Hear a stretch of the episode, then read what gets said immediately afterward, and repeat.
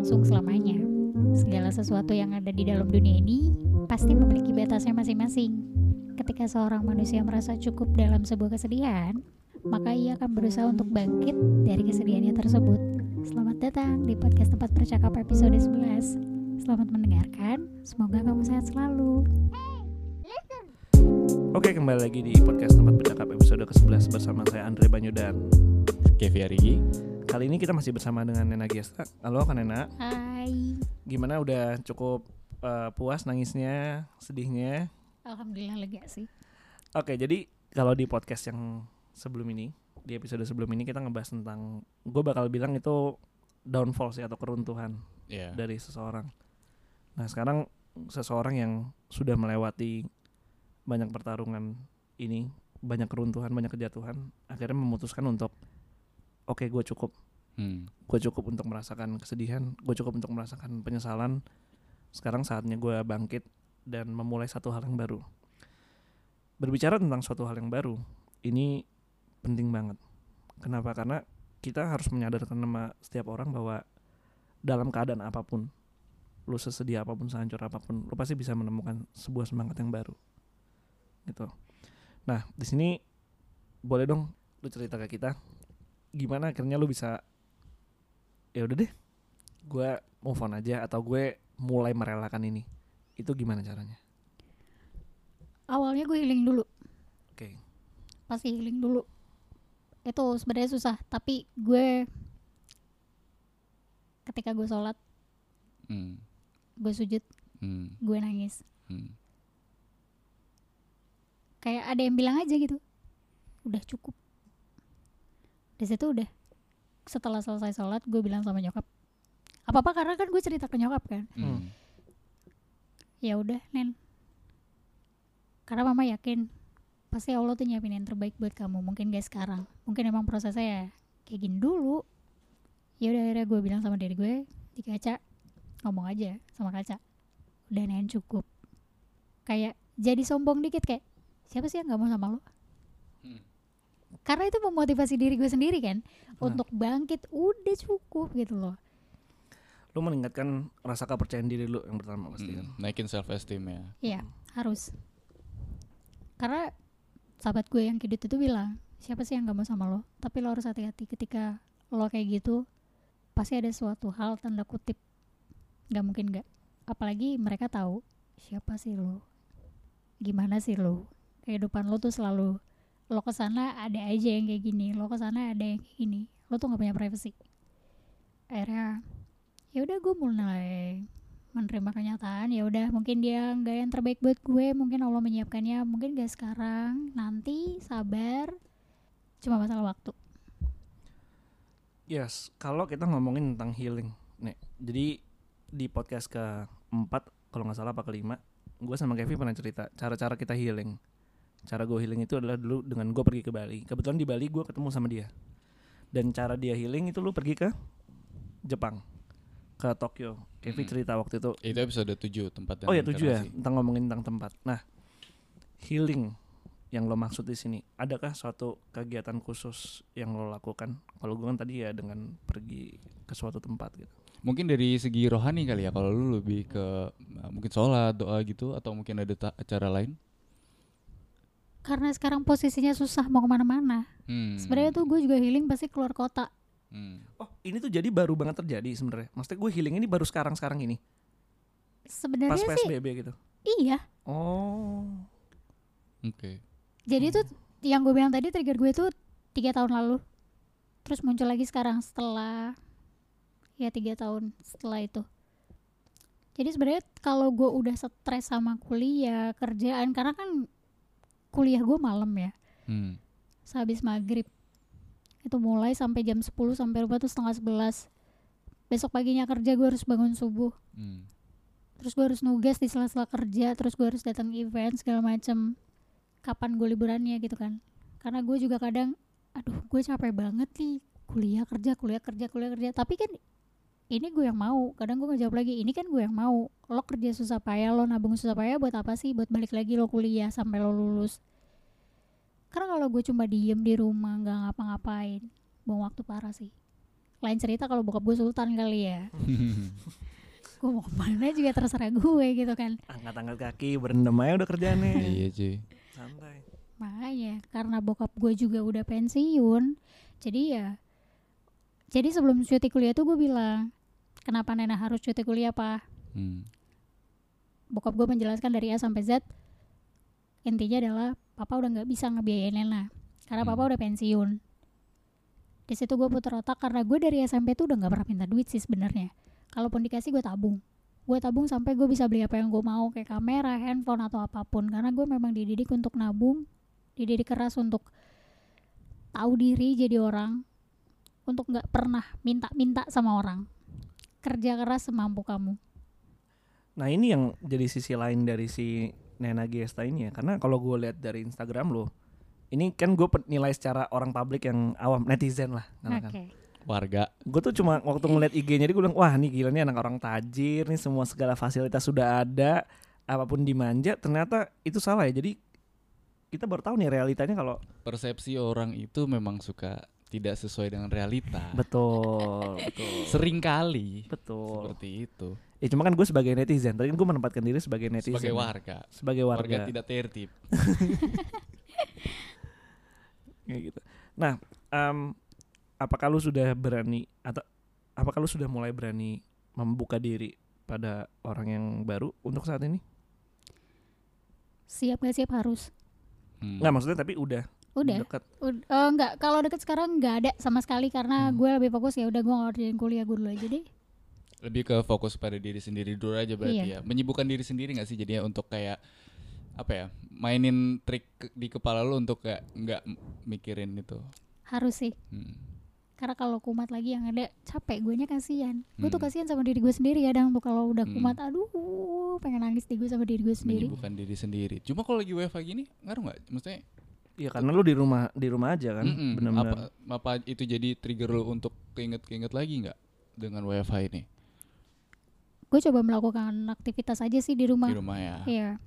Kalau gue cuma diem doang tidur ngeliat handphone, sosmed main lagi, balik lagi ke sosmed, lihat lagi balas WhatsApp kayak gitu, capek. Jadi gue coba untuk ya kayak main game aja sih. Kalau misalnya nyokap nggak suruh ngapa-ngapain ya kamu istirahat aja. Paling cuman ya gue main game sih lebih tepatnya. Main. PUBG ya. Kalau Hmm. enggak, kalau udah tuh main tuh The main Sims. PUBG mulu Iya, anjing nge-push rank, Pak. oh sering Kalau udah capek-capek baca teori pasti bukanya PUBG. PUBG Iya. Kalau nggak sekarang gue lagi main eh, apa ular-ularan apa namanya?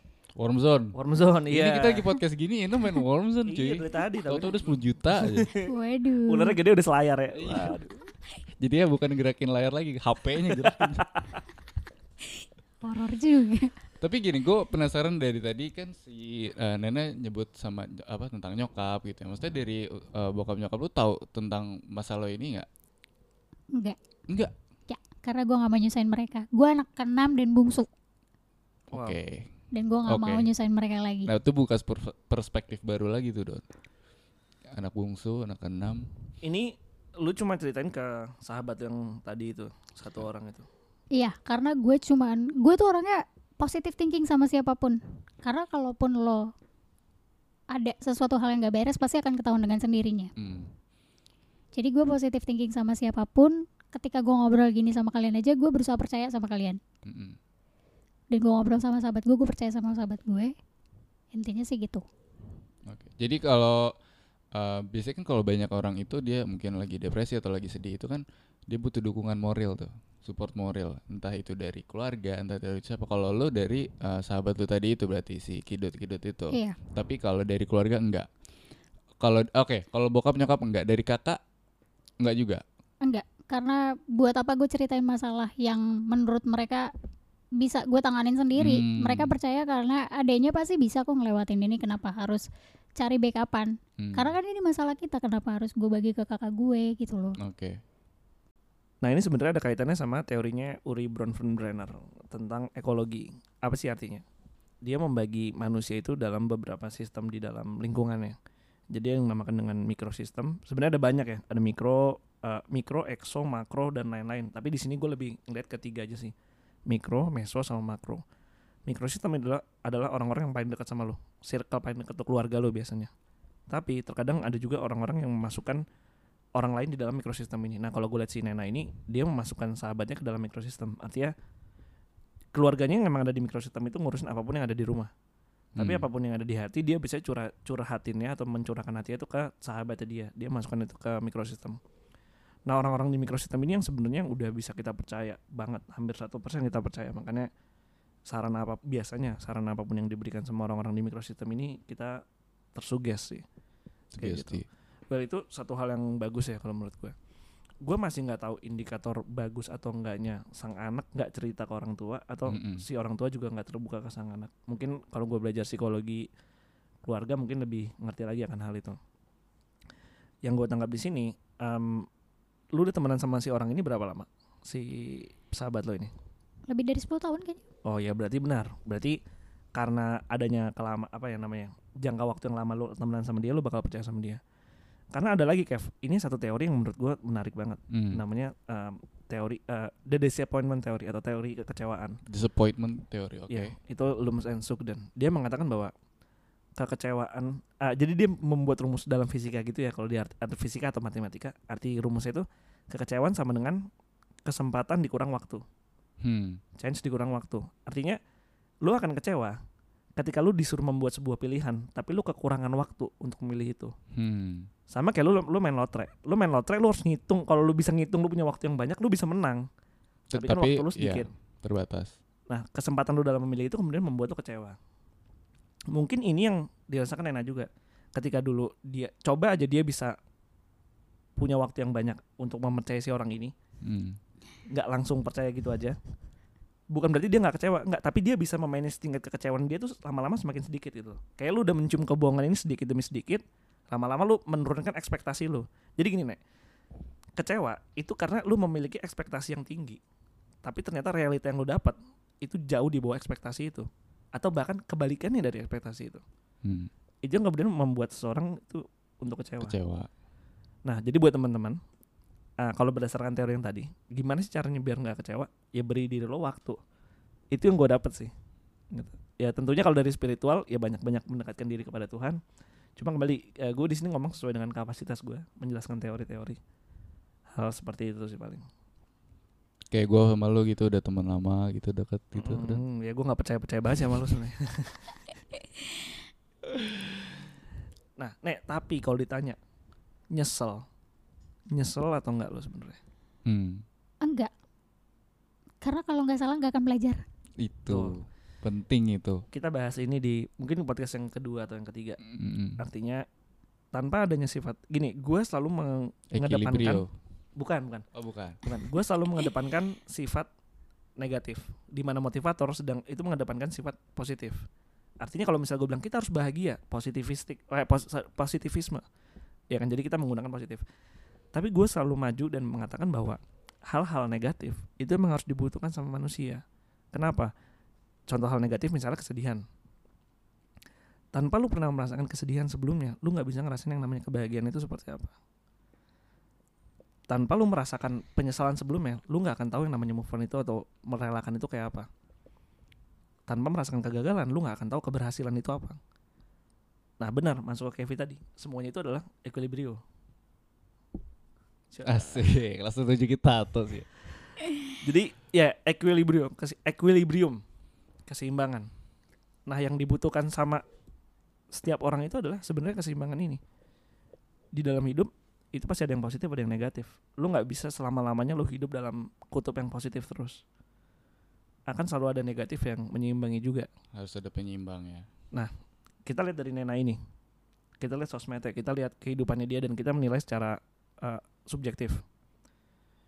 Hidupnya happy banget, tenang banget, kalem banget. Tapi ternyata di balik itu dia juga punya masalah masing-masing. Siapa pun deh yang lo lihat, yang lo idam-idamkan di dunia ini deh, seseorang lo ya kita ngomonginnya, Iya. nggak mungkin dia nggak punya masalah. Pasti dia punya masalah. Orang terkaya di dunia pun pasti punya masalah. Masalah itu nggak cuma ekonomi, masalah mental, masalah fisik, ya ekonomi juga tadi salah satunya. Jadi buat kalian yang beranggapan bahwa wah ada kok si ini dia nggak pernah ada masalah dalam hidupnya, ya kita belum mengetahuinya lebih dalam aja sebenarnya. Makanya untuk mengetahui eh kalau untuk mengetahui orang itu sepenuhnya ya lu harus kenal dia lebih dalam kayak gitu kayak gue nggak tahu ceritanya dia Jadi bisa Si- tahu positifnya dari mana, negatifnya Betul. dari mana. betul itu dia Tapi gue tertarik dong sama tadi lu bilang kalau banyak motivator yang selalu mengedepankan positivisme gitu. Hmm. Sedangkan, sedangkan lu yang apa ya lebih meng- mengagungkan mungkin ya ya lebih negativisme gitu. mengangkat ya. dari negatif. Jadi kalau lu memberikan motivasi ke orang itu lu kayak mencaci maki orang-orang itu apa gimana kayak kalau usaha kalau- akan bangkrut Eh. tahun kalau teman dekat gue biasanya gue gituin Oh gitu. misalnya kayak cerita nih kayak teman gue yang itu aduh gue pengen bunuh diri gitu ya udah ayolah tapi ya kembali itu sarkasme ya itu Ini sarkasme. pisau Anda gitu. itu serem banget sih lompat dari flyover gua anterin cuy. nggak gini yang gue maksud ya Ah. ketika ada orang cerita ke gue dia sedih gue nggak akan bilang lo jangan sedih Hmm. lo harus bahagia enggak gue akan lebih Iya iya bilang iya iya. ya 100% gak akan berhasil sih lu dibilang gitu. betul gue gue bilang kayak Jangan gini ya udah nggak apa-apa lo sedih itu ada waktunya Gue nanti juga lama-lama lo tahu kalau kesedihan itu akan berakhir. Jadi it's okay. Gini it's okay to be negatif itu itu tuh. Itu, itu yang ada di kata gue it's okay to be negatif Andre ya 2020. Wah. It's okay to be negative. wow Tapi akhirnya dari Nena sendiri eh, akhirnya eh, bisa self healing terus eh, sampai di mana lu bisa tahu kalau lu udah dapet ini nih po- eh, peace gue tuh saat ini gitu. Kayak lu setelah melakukan apa setelah lu bercerita atau apa gitu titik titiknya tuh apa lu bisa dapet peace-nya itu akhirnya? Titiknya berdoa sih. Hmm. yang pasti itu karena gue percaya kalau gue stuck kayak gini pasti gue nggak akan ngapa-ngapain dan nggak akan dapet apa-apa tapi gue harus maju. Jadi Hidup- hubungan vertikal ya? Yes. Kalau bisa sih ya ini nggak tahu saran gue kepada teman-teman di luar sana. Hmm.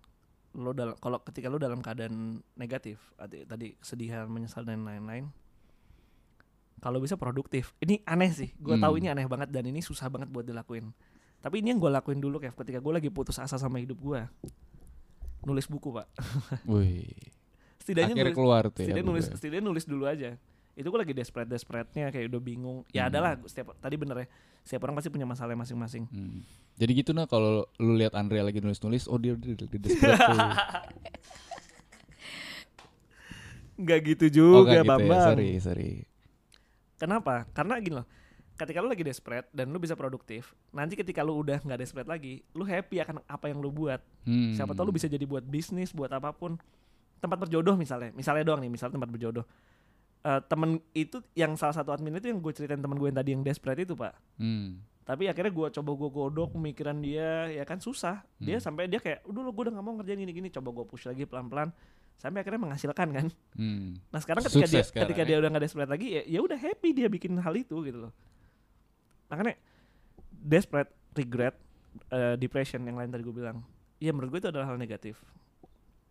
Yang gue depankan juga. Tapi sebisa mungkin, wak kan waktu itu kan terus berjalan. Mau lu di dalam hal positif atau negatif, waktu kan terus berjalan.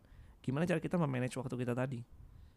Nah ngomongin tentang kemarahan tadi yang si Nena rasakan sekarang, itu sebenarnya ada juga teorinya yang namanya anger management Anger Atau management. gimana cara lu memanage atau mengatur kemarahan lu tadi gitu ya gue liat neneknya sebenarnya bagus sih nggak yang sampai let's say ngancur-ngancurin barang Mm-mm. ya kan bunuh-bunuh Yang paling penting nggak sampai kemakan di obat-obatan itu sih tadi. ya dia memilih mungkin. untuk normal. That's a good thing sih. ya itu logiknya dia atau uh, pikiran rasional dia kemudian memutuskan bahwa iya daripada gue ketergantungan Iya. belum lagi ketika gue minum obat-obat itu apa sih namanya uh, organ tubuh gue kan juga pasti ada Iya. efeknya Betul. jantung ginjal. pasti berdebar sih ya tapi Iya, pasti paling samping. obat itu pasti paling ke ginjal pertama Mm-mm. Iya. obat itu pasti paling ke ginjal kan.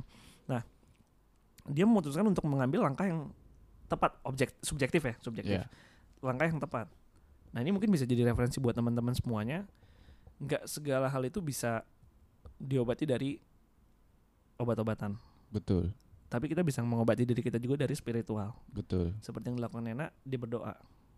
Gitu. Ini salah satu insight yang baru buat gue sebenarnya. Jadi tidak selamanya obat mengobati. Iya. Yo, keren gak sih gue? Kalau yang ngomong kenapa kayak dangdut? Jadi kan Nena apa masih ada yang mau sampaikan atau disambung lagi nanti? disambung lagi nanti aja Asik, masih Oke. ada lagi berarti nih Masih ada kita. satu lagi nih bersama Nena. Terima kasih teman-teman tempat bercakap yang sudah mendengarkan podcast yang ke-11 ini tentang awal yang baru. Selamat malam, semoga baik dan bahagia selalu. Selamat tidur.